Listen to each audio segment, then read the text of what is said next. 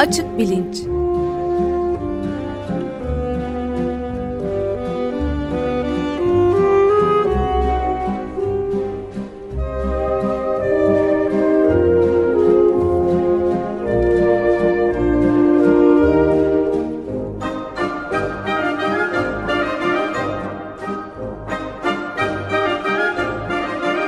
Güven Güzeldere ile bilim ve felsefe sohbetleri. Merhabalar Güven Bey. Merhaba Ömer Bey. Merhaba Güven Bey. Can merhabalar. Evet bugünkü açık bilinçte e, biraz e, sizin oralardan da e, imtihanlarda kopyadan geçip internet e, üzerindeki hayatın gizliliği ve bunların ihlali gibi bir konuya biraz gireceğiz. Öyle anlıyorum. Ee, öyle yapalım. Ee, bu bu civarda aslında e, büyük bir sarsıntı yaratan bir haber e, patladı 3 hafta kadar önce. E, Harvard Üniversitesi'ndeki e, en tepedeki dekan e, daha aşağı seviyelerdeki dekanların e, elektronik posta hesaplarını e, gizlice aratmış. E, sonra da kimseye söylememiş. Bu daha 6 ay önce olmuş bir olay. E, bir şekilde sızdı. E, bu civarın e, en büyük gazetesi Boston e, alanının işte bu Boston Globe isimli e, gazetedir. Orada e, çıktı. Daha çıkmadan aslında hemen diğer gazeteler haber aldı. E, bana falan da telefon geldi. Siz bu konuda ne düşünüyorsunuz filan diye böyle e, New York Times'a çıktı. işte okulun gazetesinde filan. O gün bugündür e, sarsıntı sürüyor.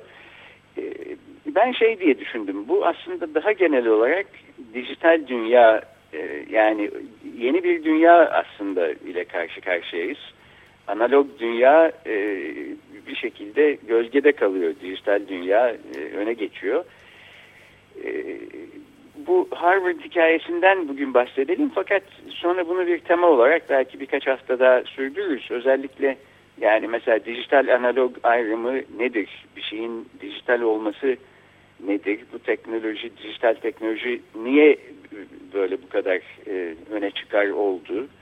E, bunu gerçekleştiren diğer teknolojiler nedir? Bir de gelecekte bizi ne bekliyor? Yani e, bu konuda bir sürü aslında e, ilginç e, yeni bulgu var.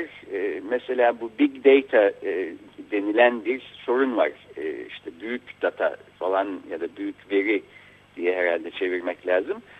E, özellikle öyle söylüyorlar çünkü büyük birader e, terimine atıf yapıyor bir yandan. E, hatırlayacaksınız Orwell'in evet. romanı 1984. E, Orwell bu romanı 1949'da yazmış ve 35 sene sonrasını e, görmeye ya da öngörmeye çalışıyor. E, yine hatırlayacaksınız orada işte bir e, hipotetik e, kurgusal bir e, ülkeden bahsediyor Oceania diye. Bunun da tepesinde oturan bir diktatör var ve herkesi e, izliyor, gözlüyor. Herkes gözlem altında. E, şimdi her Orwell'in düşündüğü gibi olmadı. Yani 1984 geldi geçti işte şimdi geldik ondan bir 30 sene daha yaklaşık geçmiş vaziyette. Fakat e, Orwell'in öngöremediği şekilde aslında bir izlenme ve gözlenme e, durumu söz konusu. Ve giderek de aslında artan bir şekilde oluyor. E, Big Data da biraz buna aslında e, atfeden bir terim. E, bir sürü dijital dünya e, teknolojileri sayesinde analog dünyada toplayamayacağımız dataları çok kolay bir şekilde toplamak mümkün. E, nasıl? Yani mesela e, analog dünyadan kastım işte insanların birbirine mektup ve kartpostal atarak yazarak e, iletişim kurdukları bir dünyaydı. Siz bu dünyada herkesin herkese yazdığı bütün mektupları arayayım tarayayım içinde ne tür bilgiler var bunları e, kataloglayayım, kategorize edeyim ve buna göre işte bir hareket planı belirleyeyim deseniz e, büyük ihtimalle yapamazdınız. Çünkü bir kere e, o kadar e, o kadar işi becerecek insan bulamazdınız. E, bunu gizlice yapmanın e, imkanı olmazdı filan. Dijital dünyada böyle şeyleri yapmak çok kolay. Yani elektronik postayı mesela e, kontrol edeyim. Kim kime ne yazıyor e, ve de e, mesela bugün pazartesi, e, salı, çarşamba günleri içinde e, elektronik postada bütün dünyada işte şu kelime kaç defa geçmiş diye bakayım derseniz bunu dakikalar içinde aslında e, bilmeniz, bulmanız mümkün. Buna e, data mining e, deniyor. Bu ve buna benzer bir sürü başka e, uygulama daha var. Data madenciliği. E, yani böyle büyük bir e, data madeninin içinde bilgisayarlar aracılığıyla arama yaptırıyorsunuz ve çeşitli şekiller, kalıplar, e, kelimeler, e, cümleler ne istiyorsanız bilgi parçacıkları bunları buluyorsunuz. E, analog dünyada yapamayacağınız bir aslında izleme ve gözleme imkanına kavuşmuş vaziyettesiniz dijital dünya teknolojileri sayesinde. Asıl mesele bu. E, tabii bunun e, özel hayata etkileri son derece ilginç. E, dijital belgelerin e, ne statüye sahip olması e, hukuksal olarak nasıl e, görülmesi gerektiği konusu da ilginç. Yani ıslak imza ya karşı dijital imza. İşte Türkiye'de de mesela Ergenekon davası sürüyor. Dijital delillerin ne olduğu sürekli gündemde. E, bu konulara e, genel olarak bu tema çerçevesinde değiniriz diye düşündüm. E, evet bu arada... bu dünyanın pardon buyurun. Pardon. E, bu arada e, şeyi de hatırlayayım. 1940'tı değil mi şey? E, 1984'ün evet. yayınlanış tarihi. Evet bizde 49 galiba. Şey, 49. basılmış. Ee, biz de onun e, basılmasının şimdi tam e, hangi yıl dönüm 65. yıl dönümüne mi denk geliyordu? E, açık radyoda e, okundu baştan aşağı 1984. Ve Yiğit Sert, Aa, ben onu kaçırmışım. Evet Yiğit Sert Demir okumuştu. Belki bir daha yayınlamamızın e, zamanı da gelmiştir. Yani evet. 20. yüzyılın en önemli klasik edebiyat ve siyasi edebiyat klasiği tabi. Klasiklerinden e, biri. Evet. Belki tekrar gündeme getirir bir daha okuturuz. Yiğit onu. Vallahi evet hiç olmazsa yani böyle gece geç saatlerde yeniden yayınlanan programlar oluyor. Şeyde, evet. Açık gazetede dahil öyle saatlerde bile yayınlansa e, eminim dinleyeni olur. E, bu tabi dijital e, yeni dijital dünyanın e, bu işte yeni cesur dünya aslında bir anlamda bir de e, e, alt dünyası da var. Yanında gelen başka gelişmeler de e, oluyor. Mesela işte hackerlar var. Bunların bir kısmı insanların dijital kimliklerini çalıp işte para kazanmak amacıyla bu işi yapıyorlar. Bazıları ise sosyal bir e, vizyon ve misyon çerçevesinde e, bunu yapıyorlar. İşte bu e, Wikileaks mesela e, böyle bir şey. E, analog dünyada yapılamayacak e, bir şeyi beceriyorlar. E, yalnızca mektuplarla ya da işte belki telgrafla haberleşiliyorsa yapılamayacak bir e, bilgi toplaması ve bunu sonra yayması, sızdırması imkanı dijital dünyada mümkün. Türkiye'de de var işte Red Hack diye bir grup var mesela. E, çok ilginç bir işlev görüyor bir anlamda dijital dünyanın e, kör oğlusu falan gibi vaziyette. Bunları da konuşuruz istiyorum. Fakat isterseniz çok daha işin bu çerçeve kısmını e, gelecek hafta ya ya da haftalara erteleyip şu Harvard işinden Evet. E, ben de bir ufak e, ön not daha e, koyayım 1990 1984'de ilaveten. Onu da hatırladım şimdi 2009'da biz 60. yayınlanışı vesilesiyle yayınlanışın 60. yıl dönümü vesilesiyle şey yapmıştık. Yayınlamıştık evet. Şeyi. Bir de e, geçen birkaç hafta önce e, Julian Assange ve diğer o benzeri grup e, hackerlar içinde yapılan çok önemli bir tartışma kitabı vardı. Tam da bu konudaydı. cypherpunk deniyor. Yani bu örgütlenmeye karşı işte Pentagon ya da hangi merkezlerden geliyorsa bu kuvvet ve servet merkezlerinden bir kontrol e, müdahalesi e, internetteki özgürlük alanını kötüye kullanan ve büyük bir özgürlük kapatıcı özgürlükleri kısıtlayıcı bir rol oynayanlara karşı da e, şey yapmak e, şifrelemek yoluyla hala elimizde böyle bir olanak var diye ilginç bir kitap yayınlandı. Onun Türkçesini evet. Metis'ten yayınlanması vasıtasıyla çevirisiyle vesilesiyle çevirmeni Deniz Hanım'la konuşmuştuk.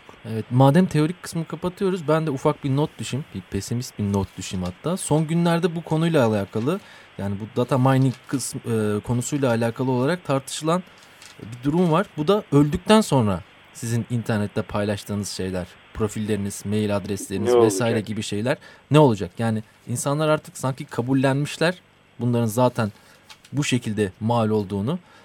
Bu büyük şirketlere. Şimdi artık düşünülen durum öldükten sonra bunlar ne yapılacak?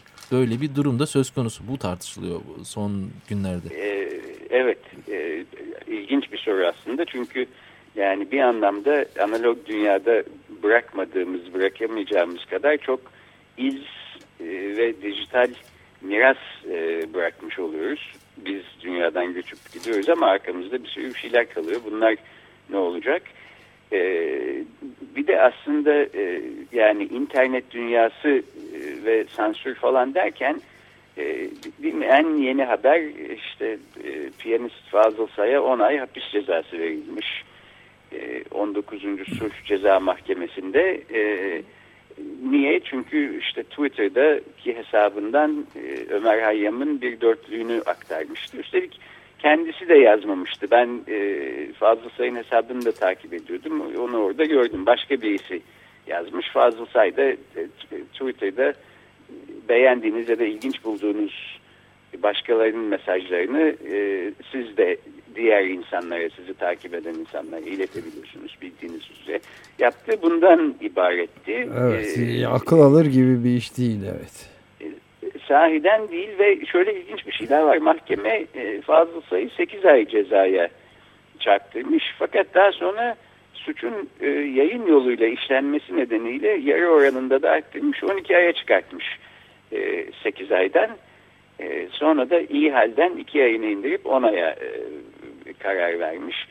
E, yani e, bunun işte şey Fazıl Say'ın suçu bu Ömer Hayyam'ın dizelerini diğer insanlarla paylaşarak Ömer Hayyam'ın dizelerinde dini değerleri aşağılayıcı, rencide edici bir şeyler varmış.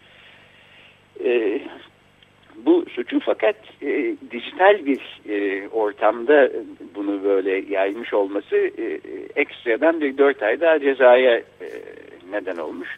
Böyle bir durum da var. Yani dijital dünyaya karşı hukuk aslında daha bir sert bir şekilde durmaya çalışıyor. İşte Bradley Manning'in başına gelenleri filan biliyoruz. Bunların hepsi bu yeni dünyanın yeni teknolojilerinin e, mümkün kıldığı aslında e, durumlar ya da tırnak içinde suçlar diyelim.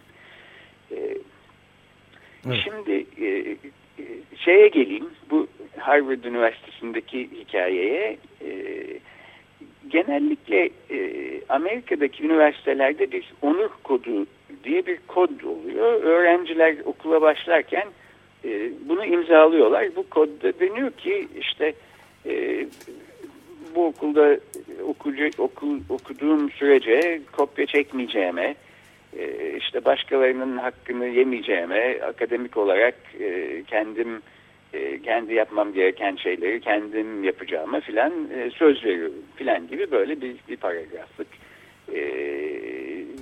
bir e, sözde bir taahhütte bulunuyorlar. Ve genellikle bu taahhüt çerçevesinde aslında yani bu taahhüt olmasa kopya ne kadar olurdu bilmiyorum doğrusu ama ben çok Türkiye'ye mesela oranla çok az miktarda kopya e, ile karşılaştım. Amerika'da ders verdiğim üniversitelerde. E, yani büyük sınavlarda filan benim en azından şimdi Can sen söyle bilmiyorum şimdi nasıl durum ama benim öğrenciliğim e, zamanında e, kopya bir hayli sıradan bir şeydi. Şöyle, işte çekilirdi yani. Şöyle bir haber hatırlıyorum. Bundan bir ya da iki sene önce bir açık öğretim e, sınavında sınavdaki gözetmen şıkları okuyordu ve diğer insanlar da o şıkı dolduruyordu. Yani kurumsal bir yapı var Türkiye'de şu an itibariyle Yok bunu yapanlar Türk olamaz. Yani. Vallahi ben de şöyle diyeceğim aslında yani en azından benim e, bildiğim kendi kuşağımdaki insanlar arasından yok ben hiç kopya ne çektim ne de kopya çekildiğini gördüm diyen yalan söylüyordur. Şimdi biraz daha kurumsal oldu işler evet. E, evet. E, aslında peki şimdi yani madem iş Türkiye'ye geldi burada bir küçük anekdot daha anlatmak durumundayım. Ee, şöyle bir, e, bir 3-5 sene önce çok zor durumda beni bırakan bir olay olmuştu. Ee, daha önce çalıştığım üniversitede bir e, kopya e, durumu olmuş. Üç öğrenci yakalanmış. E, biri kız, ikisi erkek. E, kız öğrenci bir fizik dersiydi galiba. Erkek öğrencilere kopya e, verirken işte sınavın gözetmeni galiba görmüş yakalamış filan. E, bunları çıkartmışlar dekanın karşısına. E, kopya çok e, bu arada ciddi sonuçları olan bir şey ve yani okulla ilişkisi kesiliyor öğrencilerin. E, mezun olamadan atılıyorlar vesaire filan. E, ve bir daha da kolay kolay e, akademik dünyada e, şeylerini, isimlerini temizleyemiyorlar aslında. Öyle çok belalı bir e, mesele. E, bu öğrencilerin üçü de Türk. E, beni ilgilendiren kısmına şimdi geliyoruz. E, şeyden rektör yardımcısından telefon geldi bir gün. E, dedi ki böyle böyle üç tane öğrenci var biz bunları okuldan atmak üzereyiz. E, çok şey başları ciddi şekilde belada. Bunlardan bir tanesi de sizin öğrencinizmiş. Öyle sahiden kız öğrenci benim başka bir dersimde öğrencimdi ve çok çalışkan çok sevdiğim filan da bir e, öğrenciydi e, rektör e, görüş rektör yardımcısı görüşmemiz lazım filan dedi. Neyse ben gittim toplantıya. Bana beni çok zor durumda bırakan şu soruyu sordu. Dedi ki e, öğrenciler diyorlar ki bize e, bizim kültürümüzde kopya çekmek çok normal bir şeydir. Dolayısıyla biz e, şey yapamadık. E, bunun ne kadar ciddi bir şey olduğunu e, kavrayamadan Türkiye'den buraya geldik Amerika'ya. İşte böyle Türkiye'de ne yapıyorduysak bunu da aynı şekilde burada yaparken yakalandık. Dolayısıyla bizi bu kültürel farklılıktan dolayı affedin diyorlar. Biz de bunu ne şekilde değerlendireceğimizi bilemedik. Siz de e, Türksünüz diye sizi çağırdık. Şimdi siz bize söyleyin. E, sizin kültürünüzde insanlar hep kopya çeker ve bunu normal karşılarlar mı? E, diye soruyu patlattı şey e, rektör yardımcısı. E, evet zor Bu tam yani aşağı tükürseniz e, sakal yukarı tükürseniz bıyık gibi bir durum aslında. Evet. E, e, ve bir taraftan da böyle çok Amerikan tarzı bir naif şeye de işaret ediyor hale. Yani e, böyle bir genelleme yapılabilir mi? Yapılamaz tabii filan. E, ama e, hiç alakası yok. Biz kopyanın K'sini bile bilmeyiz. E, deyip e, milletimizin şeyini e, kurtarsam şerefini çocuklar e, e, şey olacaklar. E, okkanın altına gidecekler. E, yok tabii biz hep kopya çekeriz desem o da çok acayip bir şey. Yani aslında e, kopya çok çekiliyor sahiden ama onu da e, e, o şekilde söylediğiniz anda bütün Türk milleti doğuştan e, itibaren kopyacıdır filan gibi bir zan altında bırakacak. Siz de dahil olmak üzere oluyor değil mi bu? e, evet aynen. Giritli Epimenides şeyi gibi bu. evet. E, yani öyle zor bir durumdu. Her neyse sonuçta bir şekilde e, böyle bir genelleme tabii ki yapılamaz ama e, bizim ülkemizde e, yardımlaşma ve dayanışma özellikle öğrenciler arasında e, gelişmiş bir duygudur. Dolayısıyla yani bu kız öğrenci de kendisinden böyle bir yardım istenmişse e, buna hayır demek zordur. Ki, ki doğru yani bu dediklerim. E, evet. Kopyanın ötesinde böyle bir durum olduğunu da düşünüyorum. Mesela Amerika'ya göre daha az bireyci ve daha en azından benim e, kuşağımda öyleydi. Daha dayanışmacı bir e, topluluk e, oluşturuyordu. Öğrenci grubu filan. E, neyse işte bu şekilde biraz böyle ne tam orada ne tam burada olmayan iki, şeyin ortasında bir cevap vermiştim. E, erkek öğrencileri bir dönem uzaklaştırmayla galiba e, onlar kurtuldulardı. Kız öğrenciye de bir ihtar falan cezası olduydu. E, her neyse kopyada böyle bir durum var. Yani sonuçta söylemek istediğim kopya çok nadir rastlanan ve rastlandığı zaman da öğrencilerin başını çok ciddi şekilde belaya sokan bir şey. Durum böyleyken geçen tam bir sene kadar önce e, final sınavlarında 2012 senesinin e, baharında e, çok öğrencinin aldığı 300 öğrencinin yaklaşık aldığı bir siyaset bilimine giriş dersinin final sınavlarında e, yüzün üstünde öğrencinin kopya çektiği ortaya çıktı Harvard'da. E, bu böyle görülmemiş, duyulmamış bir şeydi. Okulu çok bir sarstı filan. E, okulun e, dersin hocası bunu fark etmiş final sınavlarını okurken. Bakmış ki bir sorunun cevabı yanlış. Yani bir metni yanlış bir şekilde okumaya okuyarak yanlış yorumlamış öğrenci. Fakat sonra ikinci finalde de öyle. işte üçüncü final kağıdında da öyle. E, yüzün üstünde final kağıdı bu e, herkesin aynı şekilde yapması e, neredeyse imkansız olan e, yanlışı yapmış gibi gözüküyor. Buradan ortaya çıkmış. İşte bir araştırma e, yapıldı. Okul bunu gizli tutmaya çalışırken e, bir yerden sızdı bunun haberi. E, okulun gazetesine çıktı vesaire filan işte hepimizin haberi oldu. Sonra da bir 3-5 ay kadar süren bir soruşturma sonucunda bu öğrencilerin yarısını attı Harvard Üniversitesi okuldan. Yani 50'nin üstünde öğrencinin ilişiği kesildi okulla. Bir kısmı şeydi, mezun olmuş öğrencilerdi. Çünkü geçen sene yani işte final imtihanlarını da bitirip e, okuldan mezun olmuş çocuklardı. Bunların da diplomaları ellerinden geri alındı filan böyle bayağı ciddi bir olay oldu. Fakat asıl bizi ilgilendiren özel hayatla ilgili kısım buradan e, kaynaklanıyor. Bu konu konuşulurken e, bir dekanlar kurulunda e, bu haber e, bir şekilde okulun sızmasını e, istemediği halde işte gazeteye sızdı demiştim.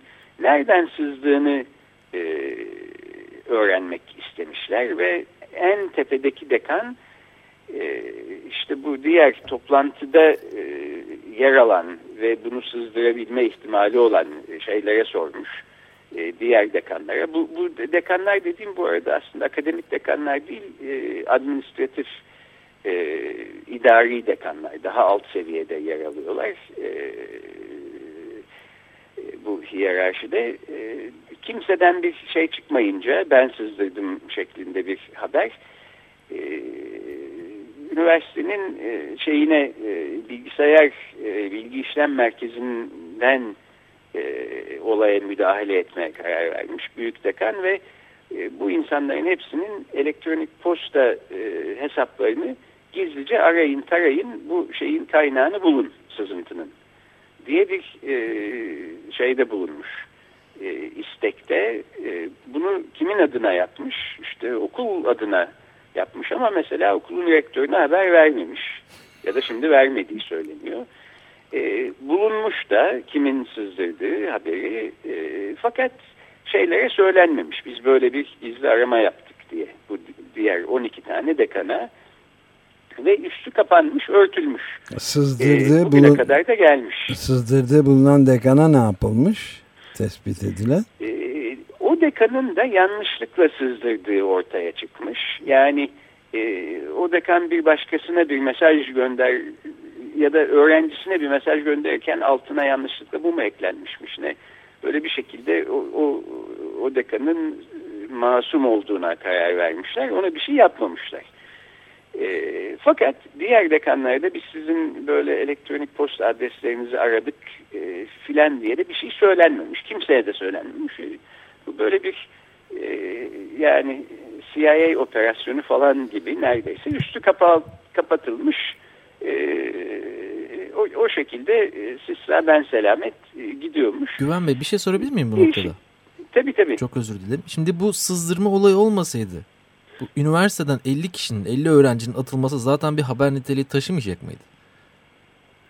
Tabii taşıyacaktı elbette. E, peki Ee, sızdırma konusunda niye bu kadar hassas davranıyorlar?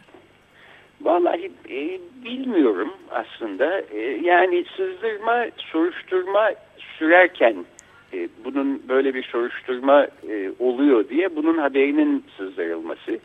E, okul sanıyorum e, istiyordu ki işte biz bu soruşturmayı tamamlayalım ne karar vereceksek verelim. Belki mesela kimsenin atılmasına karar vermeyeceklerse. Ya da içerisinden seçelim Ee, kimlerin atılacağını gibi. e, Bu, bu hiç haberde olsun istemiyorlardı. Çünkü bu da e, yani okul için yüz kızartıcı bir şey oldu. Böyle yüzün üstünde öğrenci kopya çekmiş e, filan. Bunlar böyle örnek öğrenciler işte Harvard Üniversitesi'nin seçilmiş öğrencileri filan. Bu haber sızdı diye. Fakat genel olarak herhalde aslında otoritenin e, bilgiye karşı böyle bir alerjisi var ve bilgi sızmasın Evet. Peki Kendi ben de bu noktada bir ufacık soruda ben sorayım. Ee, yani Tabii. özellikle Obama yönetiminin bu çok e, eleştirildiği noktalardan bir tanesi bu. Ee, Özellikle bütün internet hesaplarına haber vermeden kimsenin özel hayatlarına girmeyi işte terör vesaire gibi gerekçelerle o, bu konuda ısrar etmesi çok eleştiriliyor ve işte 1984 benzetmeleri filan ama asıl e, Evet. benim merakımı mucip olan husus şu e, büyük dekanın elindeki teknoloji buna nasıl yetiyor? Herhalde üst düzey Pentagon'dan ya da CIA'den filan yardım mı alıyor diğer dekanların? Öyle kolay bir şey midir e, şeyine girmek? E, kolay kolay bir şey. Daha doğrusu şöyle yani okulun e, size sağladığı elektronik postayı kullanıyorsanız çok kolay bir şey. Çünkü o elektronik postanın dağıtılması, saklanması e, bütün bunlar üniversitenin bilgi işlem merkezinin yaptığı şeyler. Hmm. Bilgi işlem merkezinin de e, herhangi bir insanın elektronik posta adresindeki bütün bilgilere ulaşması işte böyle birkaç saniyelik bir iş. Ee, şimdi e, tabii yani e, analog dünyada olmayacak şekilde kolay bir e, bilgiye erişim imkanı var. E, gizli şekilde erişim imkanı da var. Yani birisinin mektubunu e, gizlice okumaya kalksanız işte ne bileyim onu buhara tutup açmaya çalışacaksınız. Tekrar zarfı yapıştıracaksınız filan. Analog dünya böyle fiziksel zorluklar içeriyor. Halbuki dijital dünyada kimsenin ruhu duymadan işte böyle yani bir saat içinde bütün bu aramaları yapıp bilgileri edinip e, olayın üstünü kapatmaya çalışmışlar. E, şimdi yani bir iki dakika. herhalde haftaya Evet haftaya herhalde devam etmemiz haftaya gerekiyor. devam edeceğiz. Süreyi de bitirmek üzereyiz çünkü. Evet yani buradan e, gelmek istediğim şeyler hem bir kere e, daha sonra ne oldu? İşte bu, bu patlak verdi yani 3 hafta önce ve bir hayli bir sarsıntı yarattı. Sahiden ben de mesela tahmin etmezdim e, böyle bir adım atabileceklerini. E, bana da işte öğrenci gazetesinden birisi sizin de elektronik posta hesaplarınızın gizlice okunabileceğini e, tahmin edebilir miydiniz filan diye bir soru sordu. Edemezdim vallahi dedim. E, bu konuyu daha sonra Türkiye'deki birkaç meslektaşımla da konuştum. Yani Türkiye'deki üniversitelerde mesela durum nedir filan diye. Buralarda bir hayli e, ilginç sorular var. Bir de aslında buradan hareketle yani dijital dünyada sahiden e, bu yeni cesur dünya nereye doğru gidiyoruz? Evet. Yani sadece Ee, Harvard'a özgü bir şey değil galiba bu. Bütün internet kullanıcıların içine Değil, alan bence şey. kesinlikle değil. E, aslında mesela benim edindiğim izlenim Türkiye'de e, elektronik postaların güvenli olmadığı üniversitelerde en azından ve işte dekanın, rektörün neyse gerekiyorsa e, herhangi bir durumda e, gizlice e, herkesin e, bütün yazışmalarını okuyabileceği ve bunun aslında genel kabul gören bir e, durum olduğu falan yönünde. Eyvah. Ee, bunlar yani daha geniş bir çerçevede aslında ele, ele alınması gereken e, konular. Buradan e, gelecek hafta isterseniz Evet, devam buradan devam edelim. Ben de bu arada biz de burada dersimizi çalışalım. Bu şifre punk Özgürlük ve internetin geleceği üzerine bir tartışma adlı kitaba da bir daha gözden geçirelim. Assange ve arkadaşların. Çünkü tam da bu konular tartışılıyor aslında. Çok iyi. Aynen, aynen öyle. E, ona da değiniriz. Peki, çok teşekkürler Görüşmek Bey. üzere. Peki, hoşçakalın.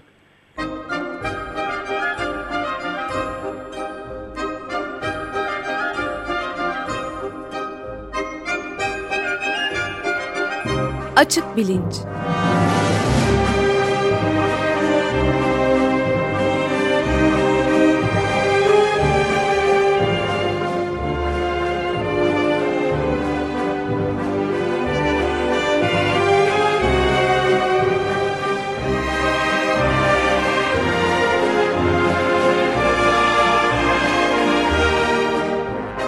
Güven Güzeldere ile bilim ve felsefe sohbetleri.